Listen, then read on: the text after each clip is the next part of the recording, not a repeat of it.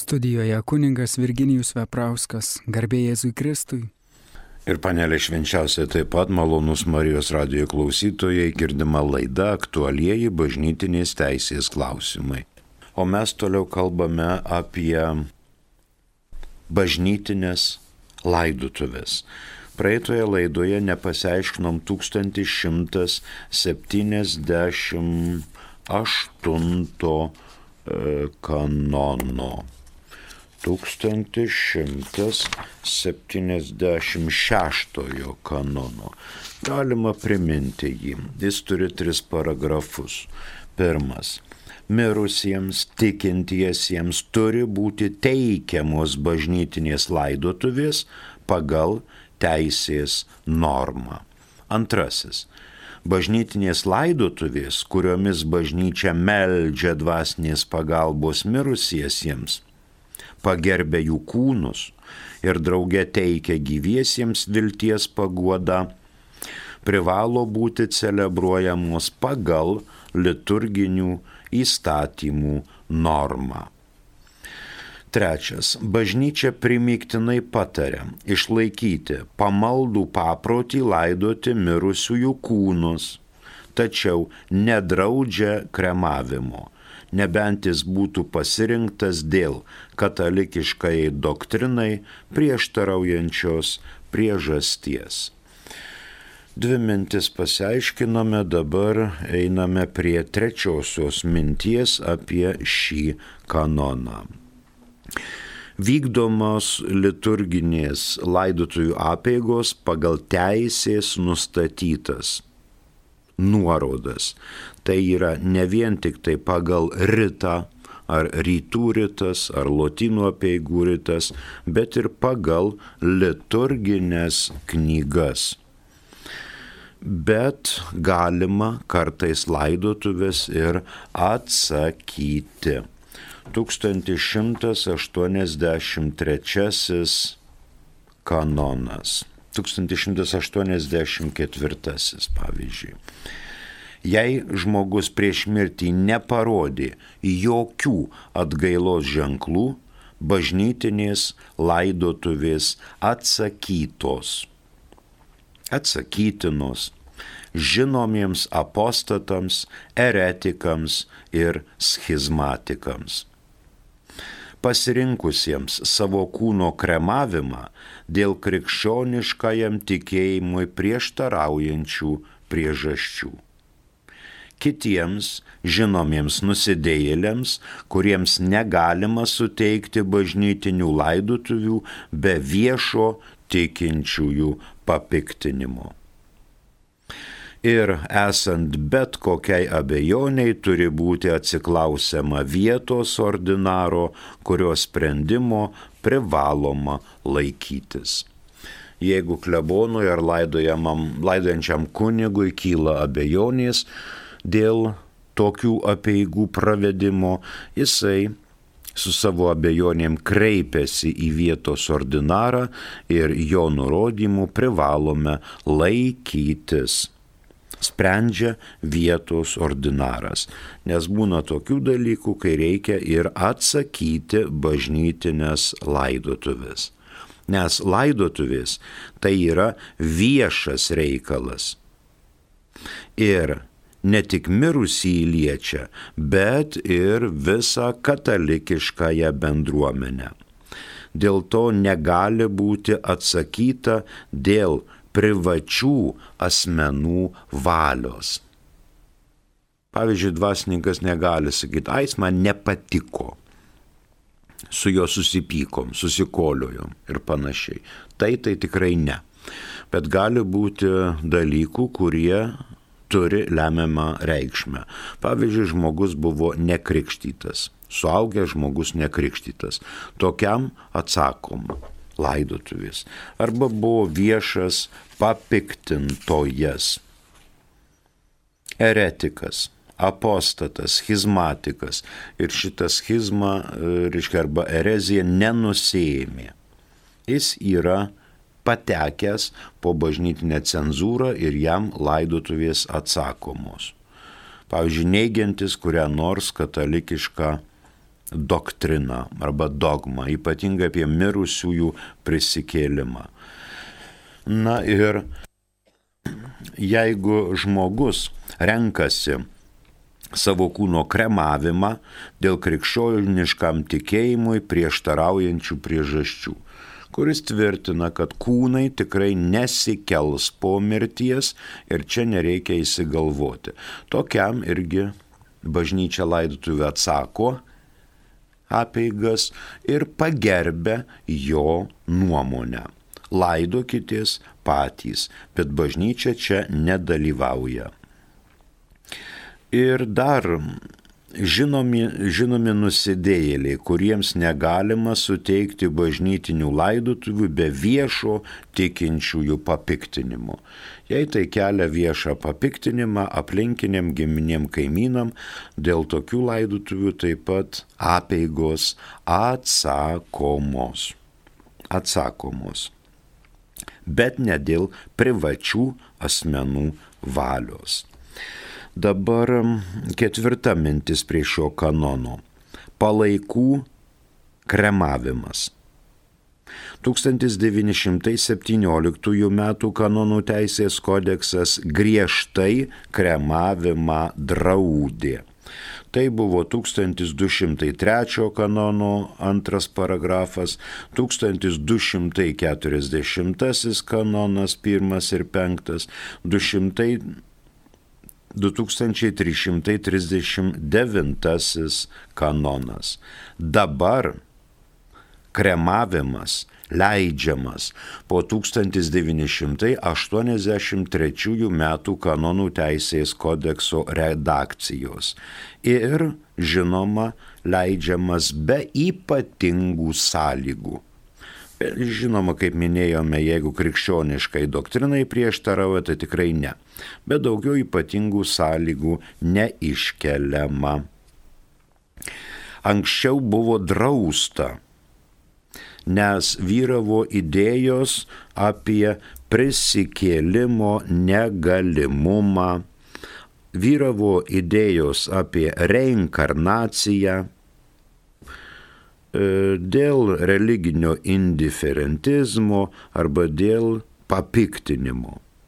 Jeigu tas vyksta, tai anksčiau buvo draudžiama konkrečiai, kad ten nebūtų jokių kitokių abejonių.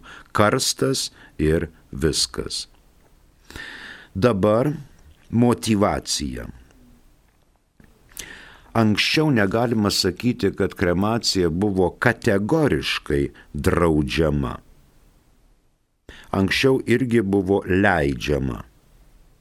Pavyzdžiui, per didelės ligas, lygų protrukius, šiltinė, maras. Kai tokie dalykai vyksta, tai bažnyčia visuomet leisdavo kremuoti ir, kaip žinome, aišku, tas buvo daroma. Kremavimas. Lavonų daug, surenka visus į vieną aikštę ir ten degina. Na ir žinoma, buvo visokie kitokie praktiniai sumetimai, gal ne tiek kremavimas, tarkim, prancūzų kariuomenės pasitraukimo metu 1812 metais Lietuvoje Kaune gyveno kokie turbūt 5 arba 7 tūkstančiai gyventojų o mirusių kareivių buvo 10-12 tūkstančių apylinkėse ir vienų, ir kitų.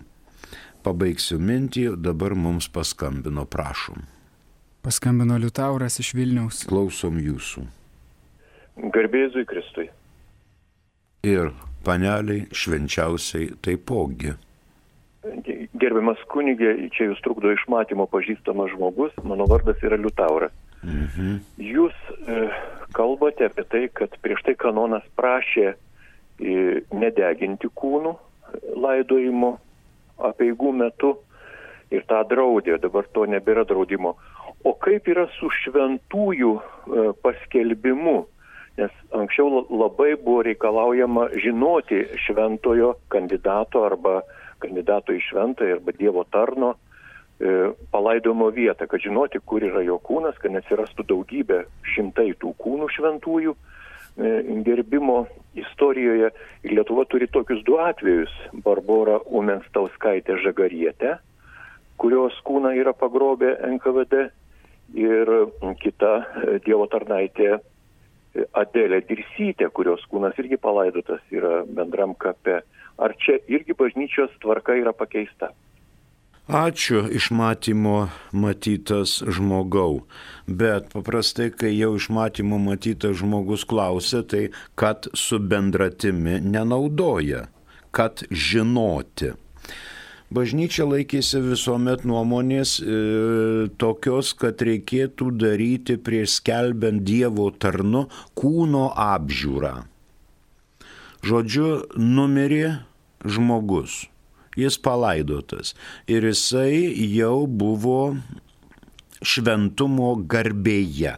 Apie jį visi kalbėjo, kad jis be nuodėmės šioks toks anoks geras patarnavo, mylėjo, e, dėmesį rodė kitiems, jis tikrai jo verta šventumo garbės.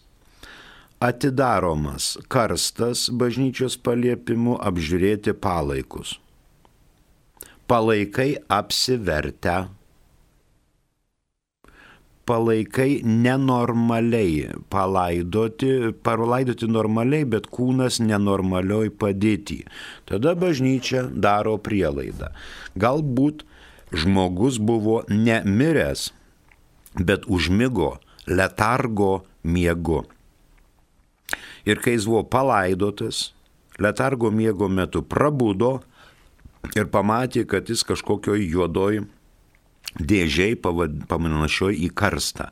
Ir tuo metu jis galėjo prakeikti ir Dievą, ir žmonės, kurie jį užkasė, kam jisai taip e, buvo palaidotas, nepatyrinėjus, ar tai letargo miegas, ar tai mirtis. Ir iškart uždaroma byla toks žmogus nekeliamas toliau į šventumo aureolę ir manoma, kad jis tikrai galėjo. Įsivaizduokit, mėgat, mėgat, mėgat, vieną dieną atsibundat ir jūs karste. Nu tai hebrytė, ką jūs čia padarėt, kai jūs mane gyvą užkasėte. Ir tada niekas nepaliūdys, nepatvirtins, ką jisai kalbėjo per tą keletą minučių prabudęs, kol ten oro trūko ir ko jis ten nekalbėjo. Jis turbūt ne, nepradėjo, nepradėjo maldų kalbėti. Jis pradėjo kelti klausimus, kodėl čia taip ankšta, išleiskit mane, aš dar čia gyvas ir taip toliau, taip toliau. Bažnyčia tokią bylą uždaro. Tai vienas atsakymas į jūsų klausimą. Antrasis klausimas, žodžiu, bažnyčia yra gyvas organizmas. O miestauskaitės kūno mes Barboros žagarietės neturime. Yra žinomos pavardės tų, kurie darė skrodimus, yra žinomos bylos tų, kurie darė tyrimus su šituo negendančiu kūnu ir taip toliau. Kaip garbinti šventai, jeigu mes nežinome jo palaidojimo vietos. Tie, kurie darė su Barboro žagarietė tyrimus su jos kūnu, žinoma, jau yra numirę, bet bylos yra išlikę. Tik niekas nepasakys, kur Barboro žagarietės palaikai yra užkasti arba utilizuoti, nes jos kūnas buvo negendantis ilgus e, šimtmečius, kelis ten šimtmečius, tris, keturis, du šimtmečius negendantis. Ir tarybiniam mokslui buvo įdomu sužinoti, kodėl kūnas negenda. Todėl buvo iškasti šitie palaikai ir daryti tyrimai. Dabar bažnyčia nori vyskupo jo ekscelencijos Eugenijaus Bartulio dėka padaryti tyrimuką ir visi dokumentai, liudijimai rodo, kad ši Barbora Žagarietė tikrai turėjo šventumo aureolę. Kūno nėra. Kadangi bažnyčia yra gyvas organizmas, bažnyčia kreipiasi į jo šventinybę popiežių arba atitinkamai tam tikrą dikasteriją ir sako, pas mus yra tokia problema. Kokia problema? Tokia, kad pavyzdžiui, keli šimtus metų kūnas negendantis, bet šiuo metu jis nėra žinomas. Kur yra? Bet nebuvo kalba apie letargo miegą, apie pasikeitusią kūno padėtį, tik tai kūno nėra. Ir popiežius priima sprendimą pasikonsultavę su visa eile specialistų, kad galima tyrimus toliau tęsti. Dabar mūsų, va tik tai dabar pradedame atkasinėti kai kurios palaikus. Ramanausko vanago nebuvo žinoma, kur jisai iš vis, su kokiom počestėm palaidota ir taip toliau, taip toliau. Po trupučiuką e, pradedame duoti tėvynės istorijai duoklę ir po trupučiuką randame partizanų palaikus. Lasdyjo rajono dabar trys partizanų palaikai vėl atrasti ir jeigu, mėly klausytojai, ką nors žinojo, girdėjo apie partizanus, kurie kur nors yra sušaudyti, nužudyti, pavyzdžiui, kaip Turgaus aikštėje mėgdavo NKVD išmesti partizanų palaikus, išniekinti ir eina pro, šolį, pro šalį žmonės ir mato, čia vad kaimynas, čia mano dėdė, kažkam tai yra sūnus ir motina net negali prieiti prie sūnaus ir nubraukti ašaros, eina pro šalį kaip pro nepažįstamą asmenį ir mato, kad čia jos sūnus guli. Motino širdis plyšta, o NKVDistai žiūri, kas atpažins, kas yra jų giminės, ką dar galima, kam dar galima po nagais pakišti adatas ir prakalbinti, arba su prosų padus padeginti, tai čia yra būdų visokiausių prašnekinti. Svarbu, kad atsirastų, kas pažįsta juos, kieno jie yra giminės. Taip ir čia. Nėra tokio dabar jau privalomo dalyko, kad būtų rasti kūnai. Gali būti rasti, bet atskirų atveju bažnyčia leidžia vesti procesą e, to kandidato į šventuosius kūnui neesant, jeigu yra pakankamai daug liūdėjimų. Tai nebuvo šitas arba praeitas šimtmetis, tai buvo žymiai anksčiau. Ačiū iš pažys, iš matymo matytam kaip jis ten, Liutauras turbūt, Liutaurui už klausimą. Miela, prisiminkite, kad Marijos radio bangomis girdite laidą aktualieji bažnytinės teisės klausimai. Taigi dabar leidžiama kremuoti be ypatingų sąlygų. O kaip minėjau, Kaune prancūzų karo antpolio žygio metu Kaune buvo kokie 7, 5, 6, 8 tūkstančiai gyventojų, o žuvusiųjų kūnų buvo maždaug 10-12 tūkstančių. Tai jūs patarkite, kaip šituo, šitie miestelėnai privalėjo laidoti karius žuvusius. Paliksi keletą dienų, bus išpūsti kūnai, šunys draskys, lapės draskys, parazitai, visokios lygos kaip minėjau, maras šiltinė. Miestelėnai suprasdami, kad to nebūtų, o dešimčiai tūkstančių iškasti duobes ir palaidoti pagarbiai tikrai nebuvo nei laiko, nei resursų. Ties Vytauto bažnyčia eketę prakirto ir visus dešimt tūkstančių tenais. Šalta, upelis vardu Nemunas nusineša palaikus. Ką daryti? Galėjo bažnyčiai trepsėti kojomis ir sakyti, prie kiekvieno čia statykit kunigą, melskitės, čiagi yra krikščionys ir taip toliau. Bet gyvenimas padiktavo savo sprendimo būdą. Ir šitie miestelėnai vežė ir nešė karučiais palaikus ir kišo po ledu. Pakišai po ledu ir ten jau ungurių reikalas. Kas ten bus? E, mums vėl paskambino, prašom. Aurelija iš Klaipėdos. Klausom jūsų, Aurelija. Garbėjai Jėzui Kristui. Per amžius amen. Dabar va toks įdomus klausimas mhm. kyla. E, vakar užprašiau už savo tėvelį mišes, ten už kitus artimus. Ir kaip e, niekada nesapnuodavau tečio ir susapnavau. Vat, ką tai reiškia, kodėl taip. Ačiū Aurelija. Matot, Marijos radijas šiek tiek skiriasi nuo sapnininkų. anksčiau būdavo tokie sapnininkai. Ten jeigu, pavyzdžiui, sapnuoji duona, bus tas tas, jeigu jauti, kad audra tave ten reiškia, arba tu krenti ir rėki, rėki, bet pasirodo negali nie vieno žodžio išdėkti. Paskui prabundi, kad tu liktai rėki ir jokio žodžio nereikia. Arba kad sapnuoji artimus. Paprastai, čia sapnininkų tai nėra, bet jeigu žmonės sapnuoja artimuosius, tai tada eina užprašyti mišes, bet ne užpirkti. Užprašyti mišes už artimus. Reiškia, ateina artimieji, prašo duonos. Nu tai prašo maldų. Tai yra liaudiškas aiškinimas. Bažnyčia, žinodama, kad žmonės sapnuoja, šių sapnų aiškinimo neturi ir nesiruošia turėti. Girdėjote, čia praeitoje laidoje žmogus sakė, kad ateina apreiškimas ir paskui kodėl kunigas ant stalelio žalę staltiesę ten uždeda. Šituo bažnyčia tikrai neusijima ir jeigu kokie labai rimti apreiškimai ateina jums, sapnų metu, tai šitos labai rimtus apreiškimus jūs savo ir turėkite ir džiaukitės, kad galite ir toliau turėti apreiškimus. Bet toliau tegul šitie apreiškimai į gyvenimą neina.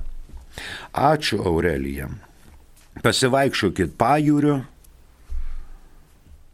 Vėjas turbūt yra Baltijos jūroje stiprus, atgaukit jėgas, nuvarkite prie jūros vaikščiodama ir stipriai gražiai išsimiegokite. O mes einam toliau. Apie prancūzų karius jau pasiaiškinome. Ir penktoji mintis apie šį kanoną priimtinesnis žinoma yra katalikiškose laidotuvėse karstas, bet ne urna nors urna visiškai toleruojama. 1176 pasiaiškinome, rytų kanonuose atitikmuo yra 875 ir 876 kanonai. Dabar jį dar kartą fiksuojame, nes jis yra aktualus. 1176. Mirusiems tikintiesiems turi būti teikiamos bažnytinės laidotuvės pagal teisės normą. Antrasis.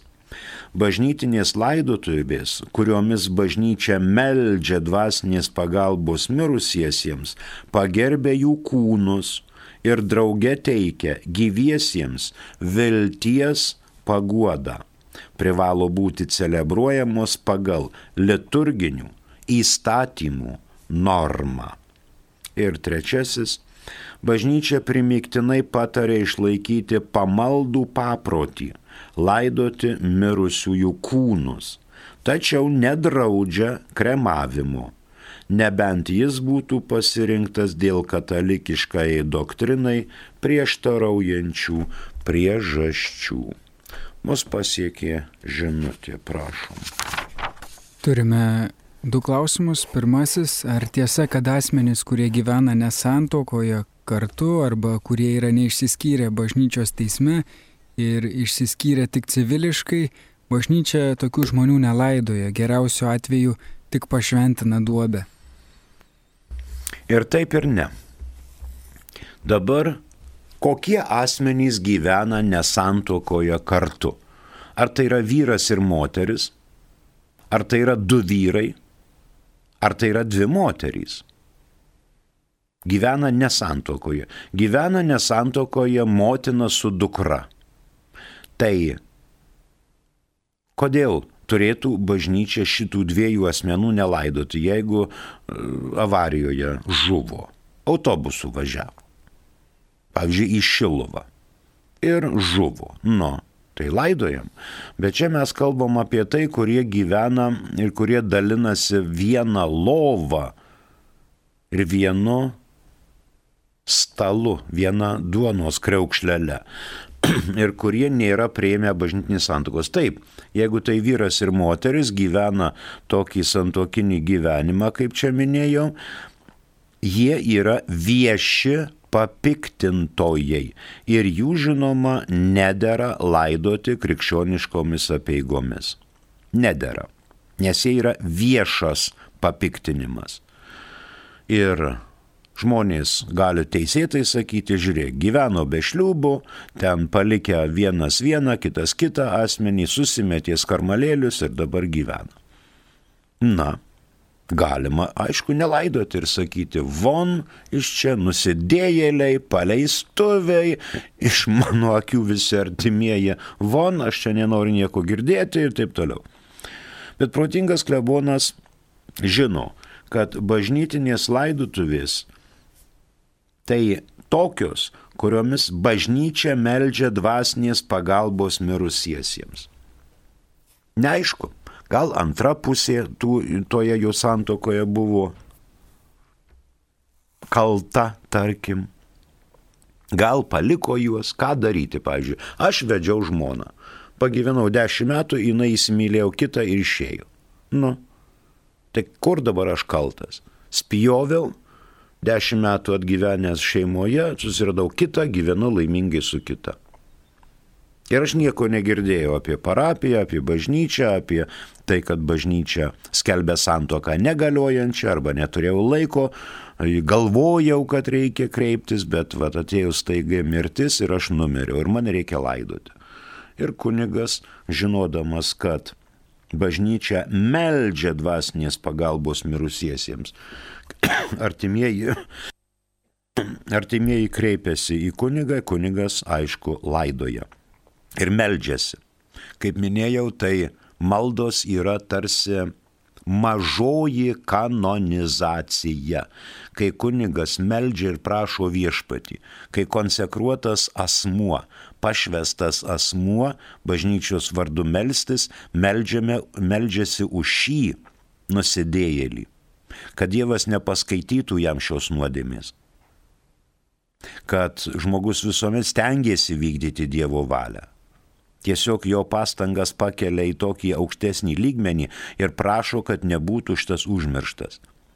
Vienas dalykas, kai pasauliečiai prašo ir meldžiasi, kitas dalykas, kai kunigas, pašvestas asmuo, meldžiasi bažnyčios nustatytomis liturginėmis apieigomis. Galima, žinoma, geriausiu atveju pašventinti duobę. Na ir kas tas duobės pašventinimas? Anksčiau tai buvo, bažnyčia turėjau savo žinioje kapines. Ir visi į tas kapines buvo laidojami katalikiškų pažiūrų ir katalikiškos laikysenos. O savižudžiai, pakaruokliai, nekrikštai buvo laidojami už kapinių tvoros. Už. O dabar į kapines laidojame visi. Visokių išpažinėjų, visokių denominacijų, visokių krypčių ir krikštyti, ir nekrikštyti, ir pravoslavai, ir musulmonai, ir judėjai, ir netikintys, ir ateistai, ir, ir taip toliau. Tai dabar, kadangi kiekvienos kapinės jau yra išniekintos, taip vadinkime, tai bažnyčia nors laimina arba šventina duobę, į kurią gulasi krikščionio kūnas, kuris yra šventosios dvasios buveinė. Bažnyčia gali nelaidoti. Pavyzdžiui, nepakvietit kunigo prieš mirtį, žmogus mirė sunkioje nuodėmėje. Von laidokitės patys. Nu ir kas? Kas iš to? tai jau geriau laidoti, tai daugiau žmonių bus, daugiau maldų bus, daugiau prisiminimų, net ir viešpaties angelas bus prie kapo sukalbėtas. Tai labai ne tai, kad patylės, pas palaikys gėlytės ir vainikėlius ir sudės ant šito kauburėlio. Taip pagarba yra, bet maldos nėra. O kunigas veda maldas ne taip, kaip jam atrodo, bet veda maldas pagal liturginės patvirtintas knygas ne jo paties sugalvotas, bet bažnyčios patvirtintas knygas. Ačiū. Dar vienas klausimas, prašom. Garbėzui Kristui. Kapinėse paminklas buvo pašventintas prieš keletą metų. Šiemet jis naujai restauruotas, perkaltos raidės, pakeistas kryželis, kuris yra pašventintas. Ar reikia vėl šventinti paminklą? Be jokios abejonės. Nėra jokio reikalo paminklą šventinti iš naujo. Bet jeigu iškaltos nau, pakeistos raidės, pakeistas kryželis, tai susiję su mirusiųjų kažkokiu paminėjimu.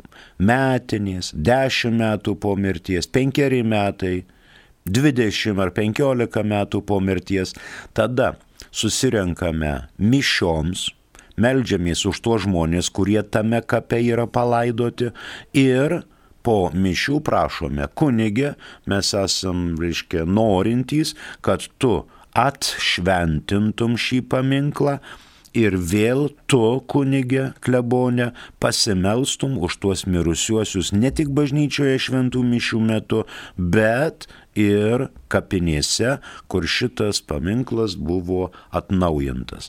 Pavyzdžiui, senesni paminklai, jie ten samaną užsitraukia, raidės išblunka arba anksčiau nebuvo galimybės taip nušveisti, kad matytųsi įrašai, tai reiškia įrašai pagilinti, gal dar kas palaidota, dar naujas įrašas atsiranda ir šitie įrašai suvienodinti.